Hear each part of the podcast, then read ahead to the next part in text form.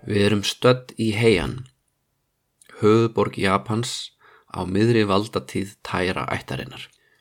Í tunglskininu sjáum við móta fyrir útlínum Rashomon hliðsins í suðri og rauðlökkuðum súlum þess, mögulega glampar í fjaska á þakflísar eða silfruðu líkneski innan úr austurhofunum en að öðru leiti er myrkur yfir borginni. Við erum fjarrri höllinni og setrum valdamestu ættana nær kjómísu hofinu hinum megin við kamo fljót. Það er niðurinn í því sem við heyrum. Önnur hljóð óma ekki í næturhúminu en það þorir enginn að vera á ferli. Það er ekki eiginlegt skrýmsli sem hrjáir þetta hverfi og heldur bæjarbúum og samúræjum innandira. Það er maður, stór maður. En síðastliðnar nætur hefur hinn tveggja metra hái stríðsmungur Benkei ráfað um strætin og sapnað sverðum. Hann hefur skorað alla þá stríðsmenn sem hann mætir á hólm og hann hefur niðurlagt þá með afburða vopnafimi sinni og styrk. Benkei er nefnilega ekki bara háaksnasti maður í Japanum þessa myndir, hann er sá sterkasti og jafnfæri að berjast með Masakari, Kumade, Izuchi, Nakigama, Tetsubo og Nagigata. Engar ávíkjur ef þið kannist ekki við þessi nöfn, þetta eru japansk miðaldavopn sem munkar beittu í bardaga. Ef ég teldu þau upp á íslensku þá væri þetta breyðöksi, sigð, jár, járnstafur, kilva, hrífa og hálfmannaspjót. Og takið eftir að öll þessi vopn eiga það sameilegt að vera ekki sverð til hefðbunna vopn samúræða. Nei, munkurinn hyrðir sverðin einfallega af samúræjanum sem hann sigrar og sapnaði þeim. Og honum vantar bara eitt sverð í viðbót til að uppfylla eigðin sem hann sór um að sigra þúsund samúræji í bardaga og sapna þúsund sverðum. Því hann er komið með 999 sverð allt í allt. Svo það er engin förða að ekki nokkur maður vogi sér út úr húsi til að mæta stríðismunkinum. Af hverju hatar hann samuræja svona mikið? Því er ekki auður svarað. Mögulega hefur það eitthvað að gera með föður hans. Í einni af þjóðsögunum um Benke þá var fadir hans samuræji sem nöðgaði móður hans dóttur Járnsmiðs í einhverju sveitaþorpi. Og svo þegar drengurinn fættist já er nú eiginlega saga út af fyrir sig því að þetta er óvinnileg fæðing.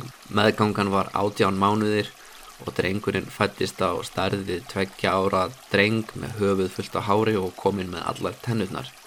Svo það er ekki skrítið að fadurinn, samúræinn, skildi hafa álíktað svo að um djöful var að ræða og reynd að myrða drengin sem þó slapp undan ég frængu hans Oni Waka sem flúði með hann. Og já, frænkan, hún heitir Oni þannig að það er einhver svona djöfla tenging allan að hljómaða þannig eitthvað tröllslegt við all, alla þessar sögum Oni Waka, hún tók drengin og kom honum fyrir í Enryakuji klaustrinu, klaustur sem ég hef búin að nefna ótalsinnum í þessu hlaðvarpi þarna réttu hliðina á Kyoto eða Heian og, og hérna í norðaustur uh, partinum upp á Híæ fjalli En uh, í þessu klösturi endist hann Benke ekki lengi, drengunum var skapstór og ódæll og var ekki burt fyrir hegðun. Allir í dag myndum við ekki hafa skilgreintan sem ofirkan og gefið honum einhver líf eða hvað, kannski var hann bara svo stór að munkarnir voru hrettir við hann og þeir þorðu ekki að agan til að, að, að venju þess tíma. Það er ekki gott að segja, en í öllu falli þá tók hann upp nafnið Musashibo Benkei rakaði hár sitt og flakkaði um Japan á vit æfintýrana. Það sem hann væntanlega barðist við raunverulega skrimsli á þjóðvegunum, baðast fyrir á pílagrímstöðum og hataði samúræja. Það geta svo sem verið ímsar ástæður til að hata samúræja. Ef þú væri alveg upp undir lok heian tímans, dóttur sonur Járdsmiðs flakkandum sem betlimungur, þá myndir þið eflust sjá mörg misjöfn uppátæki hjá þessum samúræjum. Flestir Japanir, 99% rækta hrísgrjón og rétt svo skrimta og eru einhvað síður heimsóttir af uh, fulltrúum uh, eina prósentsins samuræjunum sem eru skattendumenn sem hyrða hrísgrjónin og þinga bændurna til að vinna ókipis við að reysa óðalsettur, hóf eða virki. Já, þinga bændurna til að vinna launalaust ætti öll heldur að segja allavega þeir greiða þeim ekki neitt fyrir það þingaða til að vinna og hyrða þeim öll umfram grjón og þeir komast upp með það af því að þetta eru menninir sem bera vopnin í þessu samfélagi. Svo, maður getur spurt sig hvernig líður þessum Benkei með sjálfa sig? Tveggja metra hár rumur hann uh, varpar löngum skugga og fólk bregður á flotta haldanda að það sé onni á leiðinni inn í bæin en ekki bara krúnurakaður farandmunkur með betlistaf þessi maður hefði kannski geta orðið samuræi, hann allan hefur líkansbyrðið til þess. Og hann skortir ekki hæfnina heldur. Búin að sapna saman 990 og nýju sverðum en af einhverjum ástæðum einhverjum ástæðum fyrirlítur hann þessa stjætt manna. Benkei rávar um götur heian og stendur í þrepum kjómísu hofsins þegar hann skindilega heyrir flautuleik.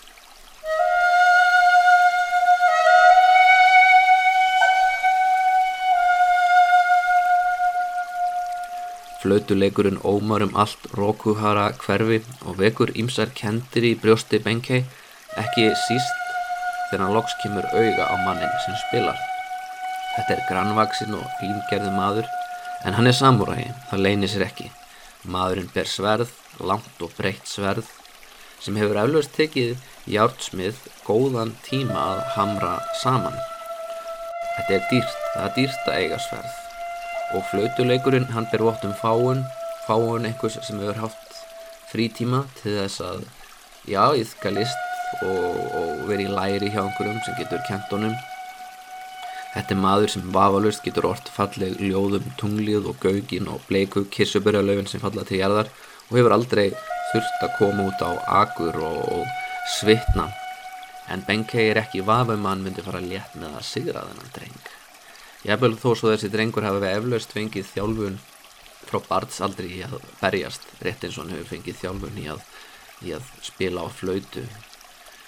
Benkei er höfðun og herri en drengurinn hann er helmingi breyðari og hvort sem hann myndi beita hálfmánarspjóti eða játstafnum eða ég vil bara hrífunni þá myndi hann hafa vinningin tilur hann.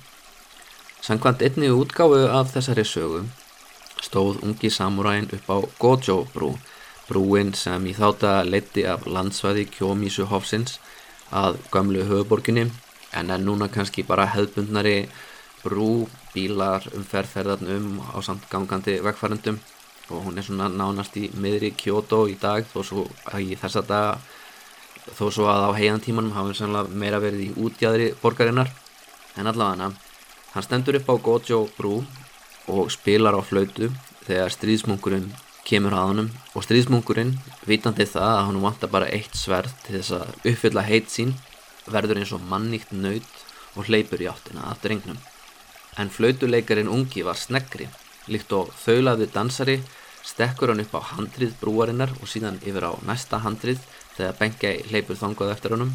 Þetta er sena sem markóft hefur verið minnskritt, sínir yfirleitt Bengei, risavaksinn Rum, einhver staða mitt á milli Sumo Glímu Kappa og Mike Tyson í vexti, elda samúræja í fínum hyrðklæðinaði sem hoppar milli brúarhandriðana, fyrst hægra megin, svo vinstra megin, svo aftur hægra megin með fingurna á flautunum eins og ballettdansari að gera æfingar í táskóm hver ertu? stínur stríðsmungurinn móður í mánaskíninu hann er nærri bugaður þess að hafa barist. Hann er við það að nýga niður en samuræn er enn ekki búinn að draga sverðið hver ertu að lokum dregur ungi maðurinn fram sverðið það glampar á örmjótt katana stríðsmannsins og þungan járstaf munksins en Benkei á ekki sjens Höggin hæf ekki þennan litla fótafima fíbldjarfa unga samuræja svo að lokum fellur stríðsmungurinn örmagna niður á brúni. Segðu mér nafn þitt, þú sem hefur sigrað mig, byði mungurinn reyðubúinn undir döðan. En í staðis að höggva réttir samuræin fram höndina. Nafn mitt er Yoshitsune, Minamoto no Yoshitsune, velkomin í þjónustu mína.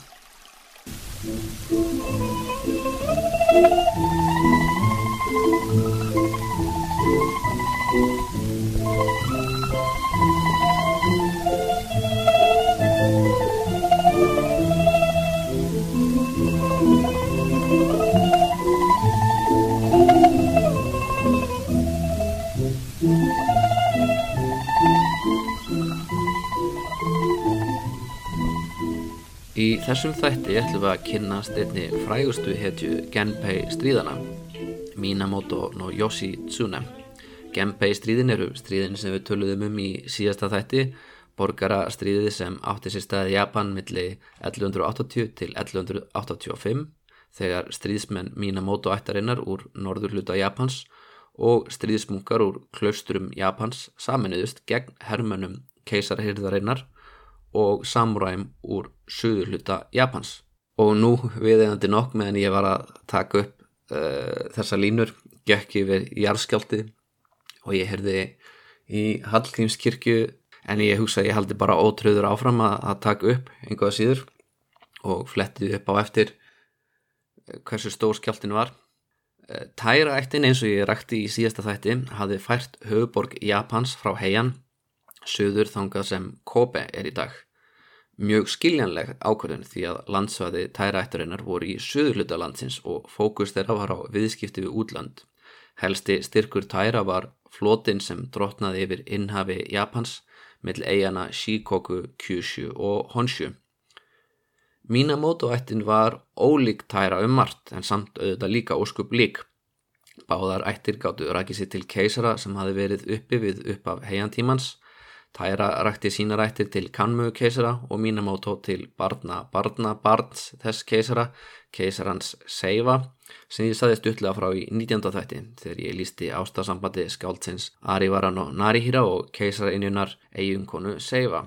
Barn þessarar keisarainju var síðar geðveiki og blóðþysti keisarin Jóðsei en það sem ég nefndi ekki í þeim þætti voru hinn börnin sem Seifa átti með öðrum hjákonum enda voru þau ekki svo pólitíst mikilvæg.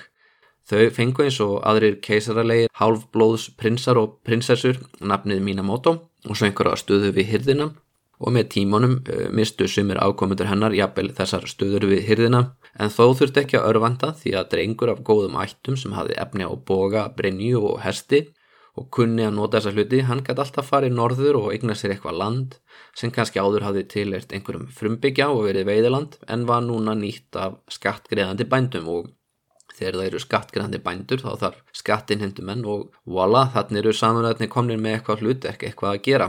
Það geta þess að ráfað um sveitirnar og ógnað fólki. Já, eða sapna saman skattbenningum sem fólk skuldar eh, keisarahyrðinni eða öðrum landegjandum. Barna, barnabörn seifa, þau sönnuðu sig sem reytaralið, góðar bókskittur, færir knapar, menn sem kunna beita sverðum í návíin og það var í þannig sem þessi ætt snýri aftur til heian, nær hjarta valdsins, í þetta sinn sem personulegt reytaralið og skjólstæðingar Fujiwara-ættarinnar í kringum árið þúsund. Um það leiti sem Sei Shonagon og Murasaki Shikibo eru uppi segi Shonokon að skrifa dagbók sína og Shikibu að skrifa sábóperuna um prinsinn Genji. Og landinu var uh, stýrt af aðal ráðgjafanum Fujiwaran og Michinaka. Þá reyðu rittarar Minamoto um Japan og börðu niður alla sem ógnuðu valdi Fujiwara ættarinnar. Um þessa rittara fjallaði um í 2005. þætti og síðan þá hefur allar liðið sá þáttur þar sem Minamoto ættin er ekki einhverju leiti með í atbörðarásinni Heili tveir þættir fór ég að lýsa stríðunum í norður Japan millir 1050 og 1080 þar sem Fujiwara-ættin skipar Minamoto rittara í stöðu sjókona og við munum koma aftur á orðinu sjókon síðar en uh, takk eftir því að það er notað uh, sem titill handa einhverjum hersöðingja sem hefur fengið ákveðið aðmarkað hlutverk. Og hlutverki í þessu tilviki er að koma á friði í norður Japan og með friði þá er átt við að skipta út samuræja landegjandum sem hafa full mikinn metnað og setja í þeirra stað eh, aðra landegjandur sem eru Fujiwara-ættinni meira þóknarleir og það endaði á því að Minamoto no Yoshie gaf meiri hluta norðusins til drengs sem nefndist Fujiwara no Kiyohira. Og já, afkomundur hans koma fyrir í þessum þætti, aðeins síðar í þessum þætti og fyrir það þá fekk hann Minamoto no Yoshi titilinn Shinjufu Shogun þess að Shogun norðusins annað sem kannski mætti revi upp er það að þessi Yoshi hann reisti hóf til heiðus stríðsguðsins Hachiman í Kamakura. Hachiman er gammal guð vendari keisarafjörskiptunar og Japans. Og það er aðeins minnst á hann í þættinum keisarinjan sem aldrei var þá rætti upprunans og svo í þáttunum um Nara tímabilið þá kemur hann svolítið inn í pólitíkina. Það er að segja að það er spádómur sem kemur frá Hofi Hatsiman í, í Kyushu sem verður til þess að, að munkur er nánast búin að takast að fremja valdarán í, í Nara. En uh, það þarf að senda sendibúð aftur suður og heimta annan spádóm frá viðfréttinni til þess að koma í veg fyrir valdaránið sem sínir að, að já að, að fólk hefur litið til Hatsiman og, og sem einhvers með veruleg tengsl við við keisaran en allavega með því að, að, að leggja áherslu á, á Hachiman sem sinn ættarguð þá er uh, mínamótu ættin svolítið að segja sko við erum ákomendur keisara við erum stríðismenn og við ættum að hafa sitt hvað að segja um hvernig þetta land er rekið en svo við vikjum okkur að Yoshitsune. Uh, hann og eldri bróður hans Yoritomo eru án vafa frægustu meðleimindir úr mínamótu ættinni. Yoritomo var fyrsti sjóguninn til að stýra Japan og uh, það er niðurstaðan á þessu Genpei stríði millir Minamoto og Taira ættarnar. Hún er svo að Yoritomo verður uh, nánast einráður í Japan og, og þar með endar heian tímabilið en uh, Yoshitsune hann er kannski svona vinsalli karakter hann er meiri svona dæmigerð hetja hann er maður sem er, er á vígvellinum og, og og er djarfur og, og svona afreikar ímislegt en á líka svona tragísk endalokk. Nú, rifjum aðeins upp hvernig eh, staðan var á, á, á ættinni þegar stríði byrjar.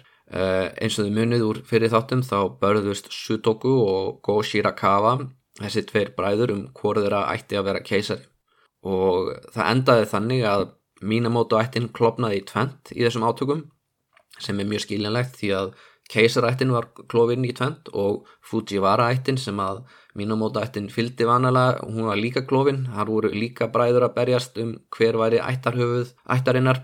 Og það fór þannig að maðurunafni Minamoto no Yoshitomo, hann endaði í seguliðinu, hann þurfti að taka af lífi uh, föður sinn og hrekja bróður sinn í útlegð. Og fjórum árum síðar þá reynir hann Yoshitomo sjálfur valdaran og það fer nú ekki sérstaklega vel fyrir honum því að hann gengur í gildru sem Tyrano Kiyomori hefur sett upp og er tekin af lífi.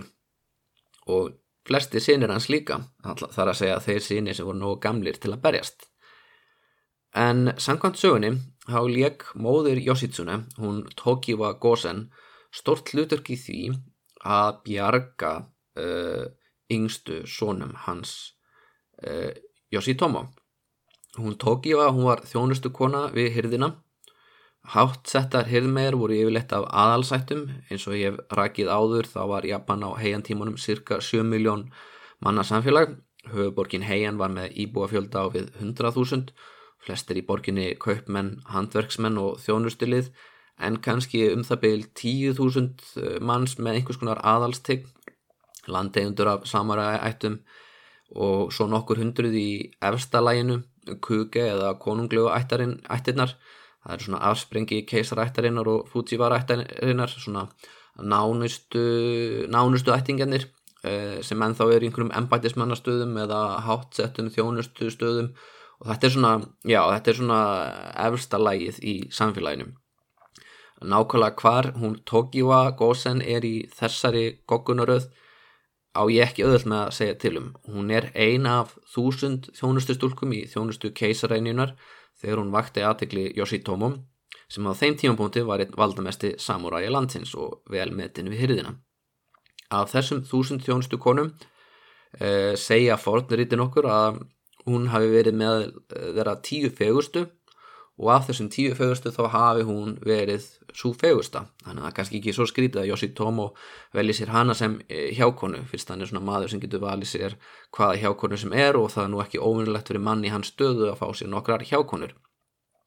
En Tokyo hún egnast með Yoshitomo þrjá sinni þá Imakawa, Otokawa og Ushiwaka. Og þið þurfið ekki að muna þessi nöfn uh, Á þessum tími í Japan hefur fólk yfirleitt eitt nafn í æsku og svo annað nafn á fullóniðins árunum og líka mjög þreytandi tilneyingu til að skiptum nafn á fullóniðins árum fyrir okkur sakfræðinörðin er svolítið erfitt að fylgjast með þessu og ég er ofta að nota bútísk nöfn sem fólk tekur sér á efri árum þegar það er að búa sinni döðan eða fær jafnvel eftir döðan og þetta nú ekki síst við um keisarana, yfirleitt er ég að nota nöfn yfir keisarana sem þeir fengu eftir döðasinn en eh, ég notaði yfirleitt þau nöfn sem er auðveldast að fletta upp. Bara svo þarna ef þið fáið áhuga á einhverjum þá getið þið flett honum upp. Og ef þið flettu upp drengnum Ushivaka þá finnið þið ekki mjög mikið. En eh, á fullóðins árum þá verður hann þekktur sem stríðismadurinn Yoshitsune. En æfið þessa Yoshitsune hún byrjar frekar dramatíst þegar hann er tveggjára aldri þá reynir fadur hans þetta valdarán er sigraður í orustu af stríðismönnum tæraættarinnar og hjákonans eh, hún flýr til fjalla með börnin þrjú og hún er ekki lengi á flóta þegar hún fréttir að móður hennar hefur verið handsömuð og það ákveður hún að, að sapni sér kjarki, snú aftur til höfuborgarinnar og byggjast vægðar fyrir sig og móður sína og já, væntala síni hennar þrjá. Og það er auðvitað svolítið huguragt því að Kiyomori gæti ákveðið að drepa síni hennar og sangvænt sögunni um Heike, Heike Monogatari, þá Eh, reynist Tókíva svo sjarmirandi og falleg að henni tekst að sannfara Kiyomori um að leifa svonum hennar að alast upp áfram í höfuborginni og á, í skiptum fyrir það að hún verði ástkona þessara stríðisherra þá, þá er svo sett hann Kiyomori reyðubúin að þyrma eftirlifandi börnum Yoshitomo. Hún sem sagt verður hjákona valdamesta samuræja landsins í annarsinn og þá bara 23 ára gömul Nú ég hef áður dreyið þessa sögu í Eva í þessu laðvarpi. Þessi saga er nótið til að skýra hvers vegna Kiyomori leifir yngstu börnum Yoshitomo að lifa og, og mann einhvern veginn sér fyrir sér að hún tókifa sé bara grátandi að byggjast vægðar og, og, og hann nýti sér það til að sofa hjá hann en í sjálfur sér hefur tókifa enga ástæð til þess að byggjast vægðar fyrir Yoritomo sem er elsti sonur hans Yoshitomo. Yoritomo er svonur eiginkonu hans og ef að Tokiwa myndi losna við hennan dreng þá myndi hún bæta hag uh, svona sinna töluvert. En einhverja síður þá, þá er Yoritomo líft, hann er sendur út í sveit og, og hafður í gíslingu hjá, hjá bandamönnum Kiyomori og það er gert þess að tryggja að eftirlifandi meðlimir í mínum móta ættinni þeir ger ekki uppreysna því að nú þá er Kiyomori alltaf með uh, gísl. Og, og það er hann Yoritomo sem er uh, maðurinn sem að ætti að vera næsta ættarhöfuð mínum mótu ættarinnar. Nú, nú Yoshitsune hann er nú í sjálfur sér ekkert merkilegu karakter á þessum tjómpúti þetta er tveggjára drengur móður hans er uh, fyrir þjónustu stúlka og ætt hennar á engin lönd, enga samúræi eða neitt svo leiðist þannig að hún getur ekkert ógnað Kiyomori, Kiyomori þarf ekkert að gera neitt til þess að losa sig við þessa drengi sem hún á. Já það er í raun bara Yoritomo sem hann þarf virkilega að hafa áökjur af. Og síðar þá giftist Tokiwa Hirðmanni. Hún er í rauninni svona eh, fyrirgegnum þrjá uh, menn yfir æfuna hún egnast með þessum Hirðmanni nokkra dætur og einn dreng sem síðar far embætismennastöðu við Hirðina. Og hún lendir í vandraðum með hvað hún eigi að gera við þessa drengi sem hún á út af því að þessi drengir þeir eru ekki lögmættir sínir Yoshitomo, þeir eru ekki fara að erfa neitt. Og það er svolítið vesina því að þeir eru þráttur allt með samuræjablóði í æðum, þeir eru Minamoto. Hann hún getur eiginlega ekki sett að við læri í einhverjum kaupmanni eða handverksmanni eða það er ekki hægt að gera það á bændum eða verkamönnum. En uh, hún hefur heldur ekkert efna á að kaupa andaðum hesta og boga og brinjur eða eitthvað svoleiðis og, og senda það út á land og, og það er ekkert víst að það sé sérstaklega sniðugt svona í ljósi þess að tæraættin fenn með öll völd í landinu.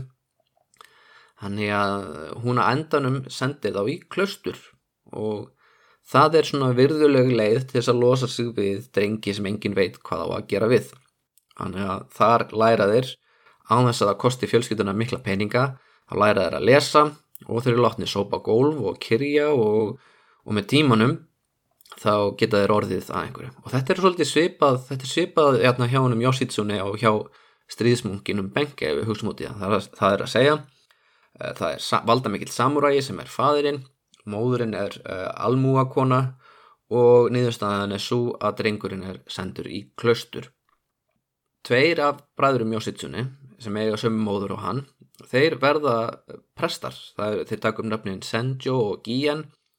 Uh, Senjo verður mikils virtur sennmungur og Gien verður sömulegis prestur við stór hof. Þannig að þeir eiga sér frama innan uh, trúarinnar. En uh, þá var hann Yoshitsune ekki því að 11 ára aldri eftir að hafa eitt fjórum árum í Kurama Dera þar sem hann hefur vantilega bara verið að sópa gólf og að kveikja á kertum og tust að rika af einhverjum líkneskjum og að stauta sig í gegnum sútrur þá stingur hann af. Og hann stríkur og það næsta sem við heyrum á honum er að hann er komin langt, langt norður greinilega búin að fara yfir fjöll og fyrtnindi og komin yfir á yfiráðsvæði norður Fujiwara ættarinnar. Og þá er nú ekki úr vegi að, að rifja aftur upp. Það er að segja uh, þessa, þess, þetta afsprengi Fujiwara ættarinnar sem býr þarna allar nýst í Honshu á svæðinu sem tilherði Abe ættinni á sínum tíma. Abe ættin gerði uppreist þegar Fujiwara landstjórun á svæðinu vildi heimtaði meiri skatta og taka af þeim sjókun nafnbútina Minamoto rittararnir fóru og sigruðu Abe ættina og komið fyrir annari ætt. Að lokum þá atna, gekk það ekki upp heldur og, og niðursnaðan var svo að, að drengur sem var afkomandi abeættarinnar í móðulegg en bar Fujiwara nafnið úr föðurætt varð stærsti landegandi norðusins og reisti borgina Hiraitsumi. Það er atna, hann Kiyohira og, og hann e, já skuldar í rauninni hann, hann e, það er, það er e, Minamoto og Yoshii sem kom hún til valda og í dag er Hiraitsumi smábær. Er lítið nokkuð þúsund manna þorp og talsverða rústir í, í nákrenniði þess. En þegar Yoshitsune mættið ángað í, í milli 1170 og 1180 þá var þetta einn stærsta borg Japans ef ekki svo stærsta því að uh, þessi ættarlegur Fujiwara sem drotnaði yfir Mutsu og Deva héradi sem er stundum kallað Oshu þessum ættarlegi hefði tekist að halda sér út úr öllum átökum Hann hafði ekki barist með Sutoku eða Goshirakawa, hann hafði ekki skipt sér aðið því að Kiyomori Yoshitomo börðust.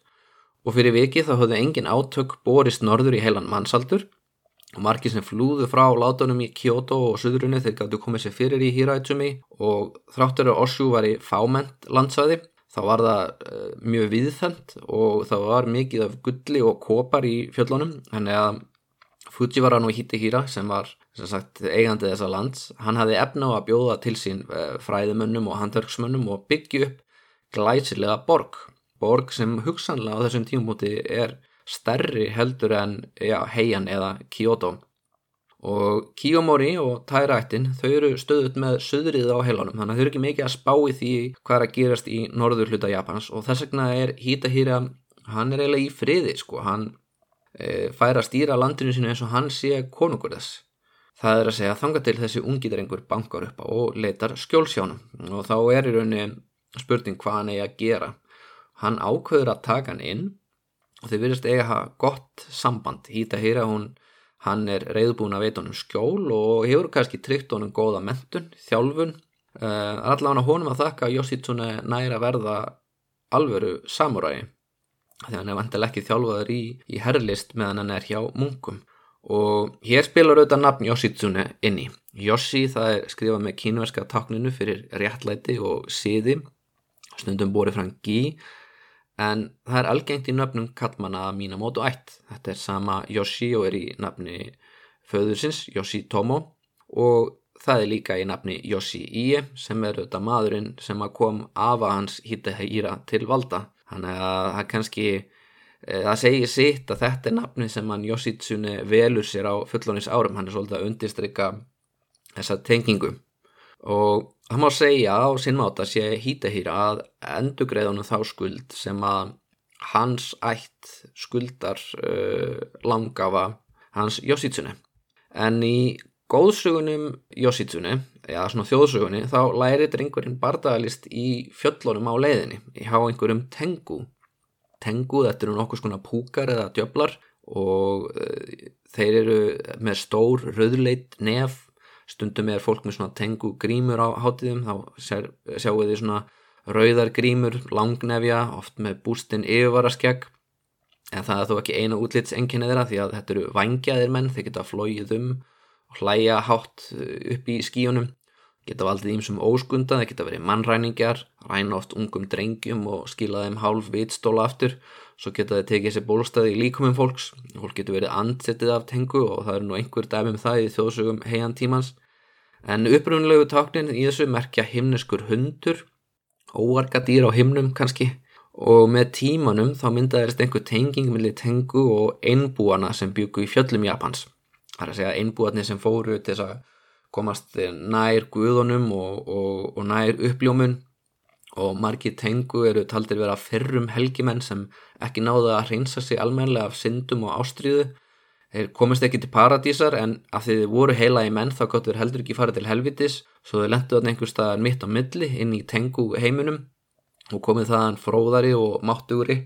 Og já bara svona galdra menn ef svo má segja sko og sagan segir að á leiðinni norður þá hafi Yoshitsune verið tekin í læri af svona einbúam, einhvers konar tengu sem bjó upp í trjátoppum á einhverju fjalli og sá hafi kent honum bardagalist, gert hann að færasta stríðsmann í sögu Japans. Og það hvort að Yoshitsune hafi rekist á einbúa upp í fjöllum með vangi og stort arnanef og fugglaklær og allt það, eh, það ætla ég nú ekkert að, að, að segja tilum en sagan sínir kannski fyrst og fremst hversu mikið fólk furðaði sig á færni Yoshitsune.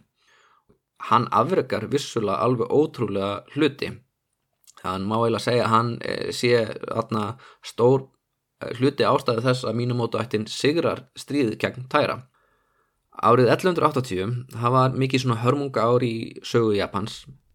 Höfuborgin var fær frá Kyoto til Kobe og öllu heldur heian til Fukuhara Það voru jarðskjáltar og uppreysnir, borgin Nara var brend niður. Uh, en að lókum vegna mikill að pressu þá neittist hærættin til að færa hyrðina aftur til, aftur til heian stuttu eftir andlát Kiyomori. Drengurinn Yoritomo var orðin þrítur og hefði tekist að flýja úr haldi tæra norður til Kamakura sem hann kallaði til sín stríðsmenn Minamoto ættarinnar og bauði þeim að fylgja sér í uppreist gegn tæra og einna mörgum sem sögurðu kallið hans voru, var bróður hans Yoshitsune sem mætti á samt stríðsmunkinum Benkei reyði búin að berjast. Þannig að þetta er svona bandalag munka og Minamoto ættarinnar þarna myndast. En á þessum tímapunkti þá er Yoshitsune bara 22 ára gammal og Yoritomo hann átti að sér fljóta því að þetta er maður sem hann getur nýtt sér. Þeir þekkjast ekki úr æsku en þeir eru yngu á síðu bræður. Og Yoritomo er lögmætur erfingi föðu þeirra og Yoshitsun er sonur hjákonu þannig að hann ógnar honum ekki politist og hann, honum finnst hann geta treyst honum fyrir því að stýra herliði sínu. Yoritomo er nefnilega sjálfur ekki mikill rittar, hann er ekki þjálfaður í bókfum eða hestamennsku eftir andlát föður hans, hann er eiginlega bara haldið í svona stofufangelsi hálpartinn. Já, hann á ekkert sérstaklega svona glæstan feril á vývellunum persónulega. Hæfileikar hans felast aðalega í því hvernig hann stundaði pólitík. Yoshitsune hins vegar hann sínir mikla hæfileika á þessu sviðum og Yoritomo á endunum sendir hann söður. Þetta er á tímapunkti þar sem er ekki alveg ljóst hver á að leiða upprisnina. Það er uh, stríðsmaður, stríðsherra aða nafni Kisono Yoshinaka sem gerir líka tilkallt til þess. Hann er frændið þeirra, uh, úr mínumótu ættinni líka og hann svarar kalli sem að þessi prins Mochihito gerir og þessi prins hefði nú í sjálfu sér átt að leiða þessu uppreysn en hann var bara látin og munkarnir sem hefðu reysið upp í nara þeir hefðu kannski getað leitt uppreysnina en þeir voru nú líka látnir. Og ég eru engat hver sem hafði yfir einhverju mannabla ráða að titla sig leiðtu á uppreysnarinnar á þessum tíumpunkti og þetta er svona uppreysn sem er háð í nafni keisarættarinnar en keisarættin sjálf er ekki með neina hermenn Hann Yoshinaka, hann er eins og þið heyrið á nafninu, frændi Yoritomo og Yoshitsune, þetta er sama Yoshi, hann eh, getur gert tilkall þess að leiða svo uppreist því hann er nú þegar búin að sigra tærættin í nokkrum barduum í sínu heimaheraði og eh, innan skemsur og hann og Yoritomo farnir að deila um hvar yfiráðasvæðið þeirra eigi að liggja. Þeir átt að segja á því að þeir berjast innbyrðist þá getur þeir endað að tortum að hverju öðrum á þess að, að nokkur tíma sigra tærættina og, og, og Yoshinaka hann sendir són sinn til Yoritomo og uh, í fyrstu lítur það út fyrir að, að með því þá atna, síðan myndast eitthvað tröst Yoritomo atna, hefur þá einhvern gísl ef ítla fer. En, um, en þráttir í þetta þá fer Yoshinaka Suðurbóin eitt síns liðs, sigrar herlið tærættarinnar í heian og frelsar keisarættina úr höndum hennar. Hann er sem sagt tekur yfir höfuborgina tærættin er á flóta söður og keisarin fyrirverandi Go Shirakawa hann er í haldi Yoshinaka og gefa Yoshinaka ímsa titla velaunar hann fyrir atna, þessa framistöðu og með hyrðina í sínum höndum þá er Yoshinaka í raun orðin svona, hann er orðin aðal maðurinn á sæðinum og á þessum tímanbúti þá er ómögulegt fyrir Yoritomo að gera nokkuð í þessu, hann getur verið pyrraðar að þessu en hann getur alltaf ráðist á frændasinn, hann myndi ekki faða náðu því en fordæmingu frá keisarættinni fyrir það. Og það er jú í nafni hennar sem þeir eru að berjast, ekki satt? En uh, það myndast tækifæri þegar Kiso missir stjórn á herliði sínum. Það kemur nefnilega hungusneið sem uh, í, í Japan. Og það er, já, ótal hörmungur það eru járskjáltar, það eru eldsvoðar það eru stormar og sjá já, hungusneið sem kemur þarna. Og uh, herliðið, það náttúrulega gengur fyrir, þeir, þeir eru mennetni með vopnin, þeir ræna og ruppla almenning og hyrða eigur fólks og verða gífulega óvinsælir fyrir vikið. Og endanum er það þannig að Go Shirakawa hann getur ekki stutt við Kiso því hann verðist ekki hafa stjórn á hernum sínum. Og hann byður í raun uh, Yoritomo um að bjarga sér.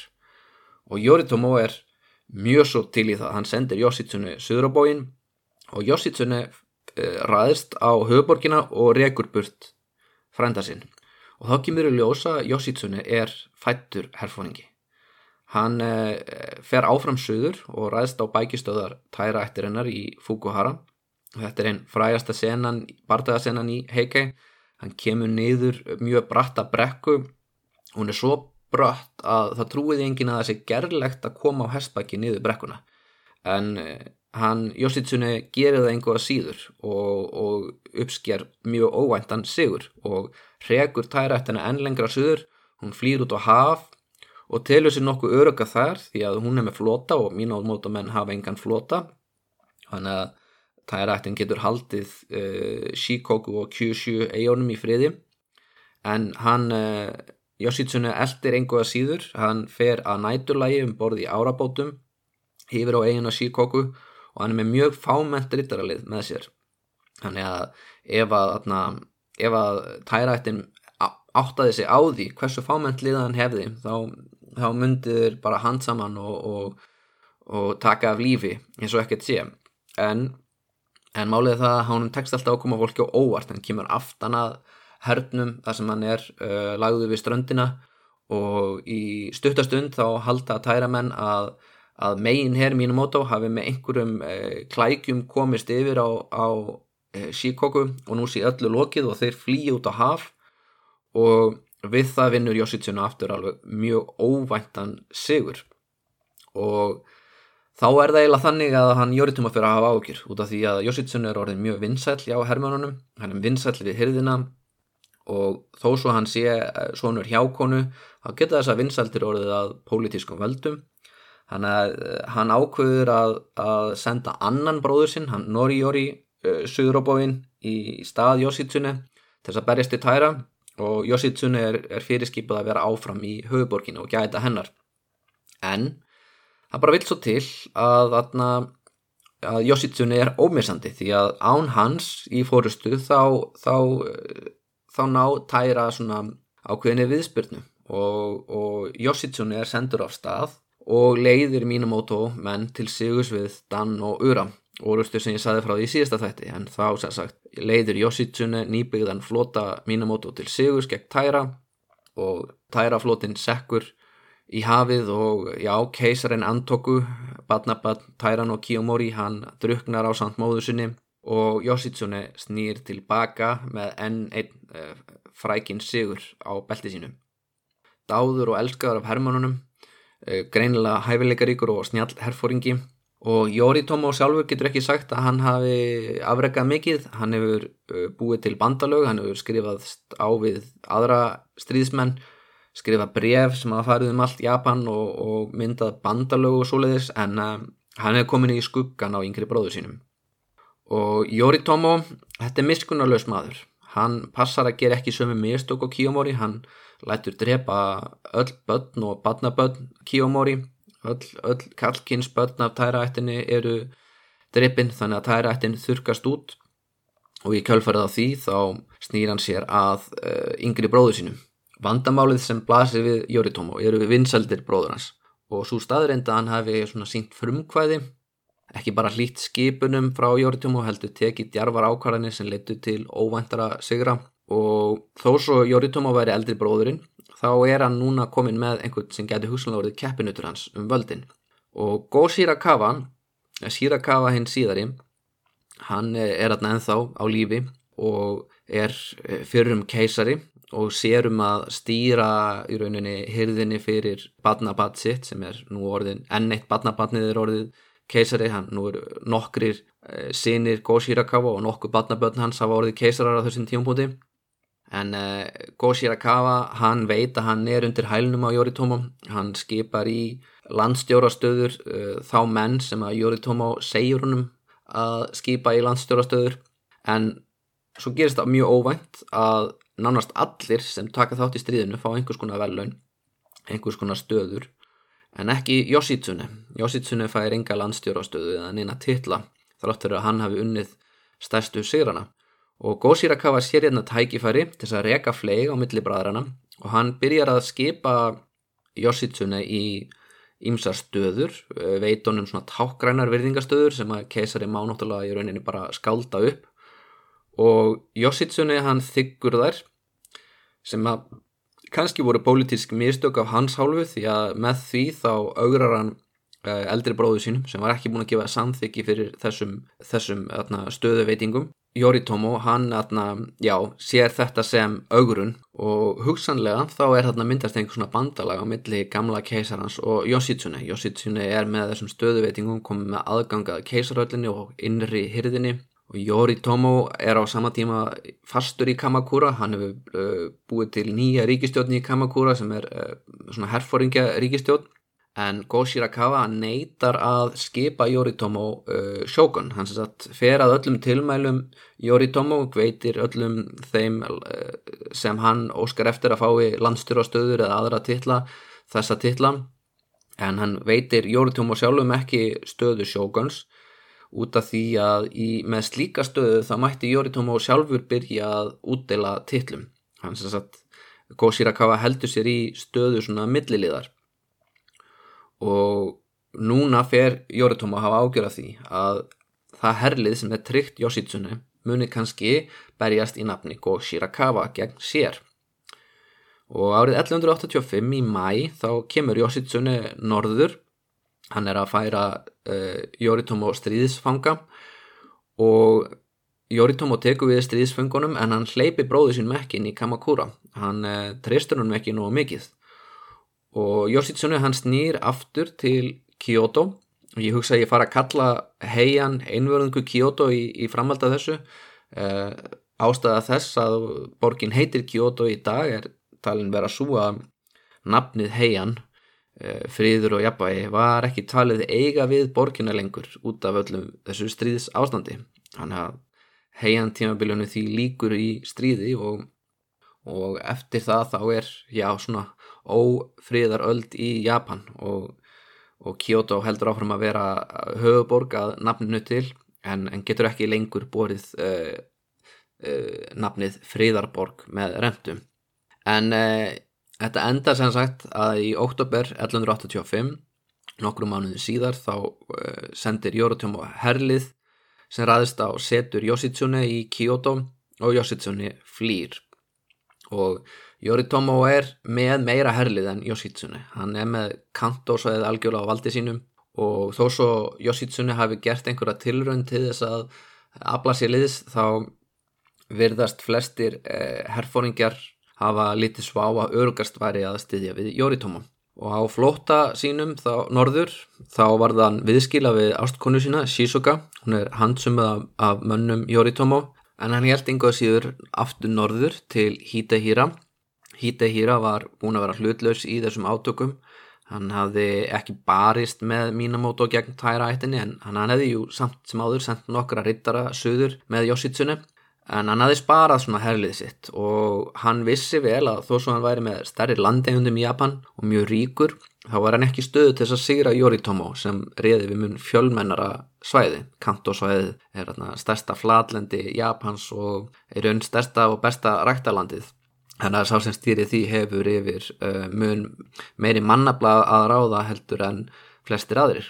Og Yoshitsune hann felur sig hjá velgjörðamanni sínum Hitahira til ásins 1187 þá deyir Hitahira og sonur hans Yasuhira ákveður að framselja samuræjan til þess að koma sér í mjúkin hjá Yoritomo. Og Yoshitsune hann var umkringdur á óðalsettri sínum. Hann var einungis með 20 manns með sér sem börðust allir til bana. En að lókum þá náðu Hermann Yasuhira að riðast inn. Hinn stóri óulegi stríðsmungur Benke hann mætti þeim á ganginum og hjælt þeim í burtu meðan Yoshitsune bjóð sig undir að fremja seppuku. Hann draf fjögur ára dóttu sína aðstóðiði eiginkonu sína við að fremja sjálfsmórð og tók síðan sverð sitt og skar upp maga sinn og síðan hjó einhver undirmaður hans á honum höfuðið. Allt á meðan Benke uh, stóð í hallarganginum og hindraði hermenn Yasuhira í að komast nær. Og uh, þetta ótaðisverk fram til Yasuhira í vonum að Yoritomo myndi síðan þyrmónum og leifonum að stýra norðrinu í friði en það gekk þó ekki eftir. Yoritomo sendi inn innrásalið engu að síður. Yasuhira var myrtur af undir mönnum sínum á flóta og þá fór höfuð Yoshitsune á svo litið flakk. Það lág í hrískrónavín í alveg 40 daga áður en það loks kom til Kamakura og þá var það orðið algjörlega óþekkjanlegt sem hefur orðið mörgum tilefni til að velta fyrir sér hvort að Yoshitsune hafi raunverulega framðið sjálfsmorð eða hvort þetta hafi ekki verið sett á svið og hann í raun flúið frá Japan yfir á meginland Asju á samt fjölskyldu sinni. Þetta er svona samsæriskenning frá heian tímanum og Kamakura tímanum í raun, já, að því hann er byrjaður þarna. E, á miðöldum þá trúðu margi Japani því að Yoshitsune, þessi mikli hersuðingi, hefði aldrei verið í raun sigraður. Hann hefði bara flúið undan bróðu sínum e, að því að Japan var ekki nógu stort fyrir það að báða. Hann hefði farið yfir á meginland Asju. Þar hefði hann rekist á nokkra mongólska ættbolka, saminað á undir sér og hann hefði tekið upp nafnið Genghis Khan og bara svo hertekið Asju. Þetta gengur ekki alveg upp í tíma en er samt skemmtileg pæling og svona ágættis leið fyrir ykkur hlustundur til að setja þetta í svona samengi við aðra atbyrði sem eru í, í gangi á þessum tímapunkti. Það eru jú, uh, mongólotnir eru að eiga sér sitt borgarastrið á sama tíma á Japanir og krossferðirnar eru líka eiga sér stað. Það eru þriðja krossferðin held ég að koma til Ísrael á þessum tímapunkti. Saladin að berjast við Ríkard Ljónsjarta og eitthvað svo leiðis og það er ekki bara stríð það heldur líka að verða að byggja domkirkjur um alla Evrópum svo eitthvað sé nefnt.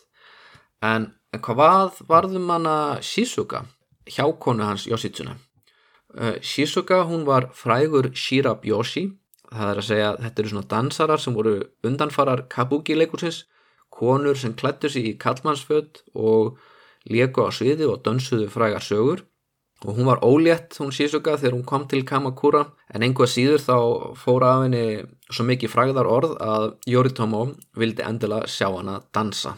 Þessi Shirab Yoshi, þetta er svona mjög atna, mikið glamur í kringum atna, þessar konur.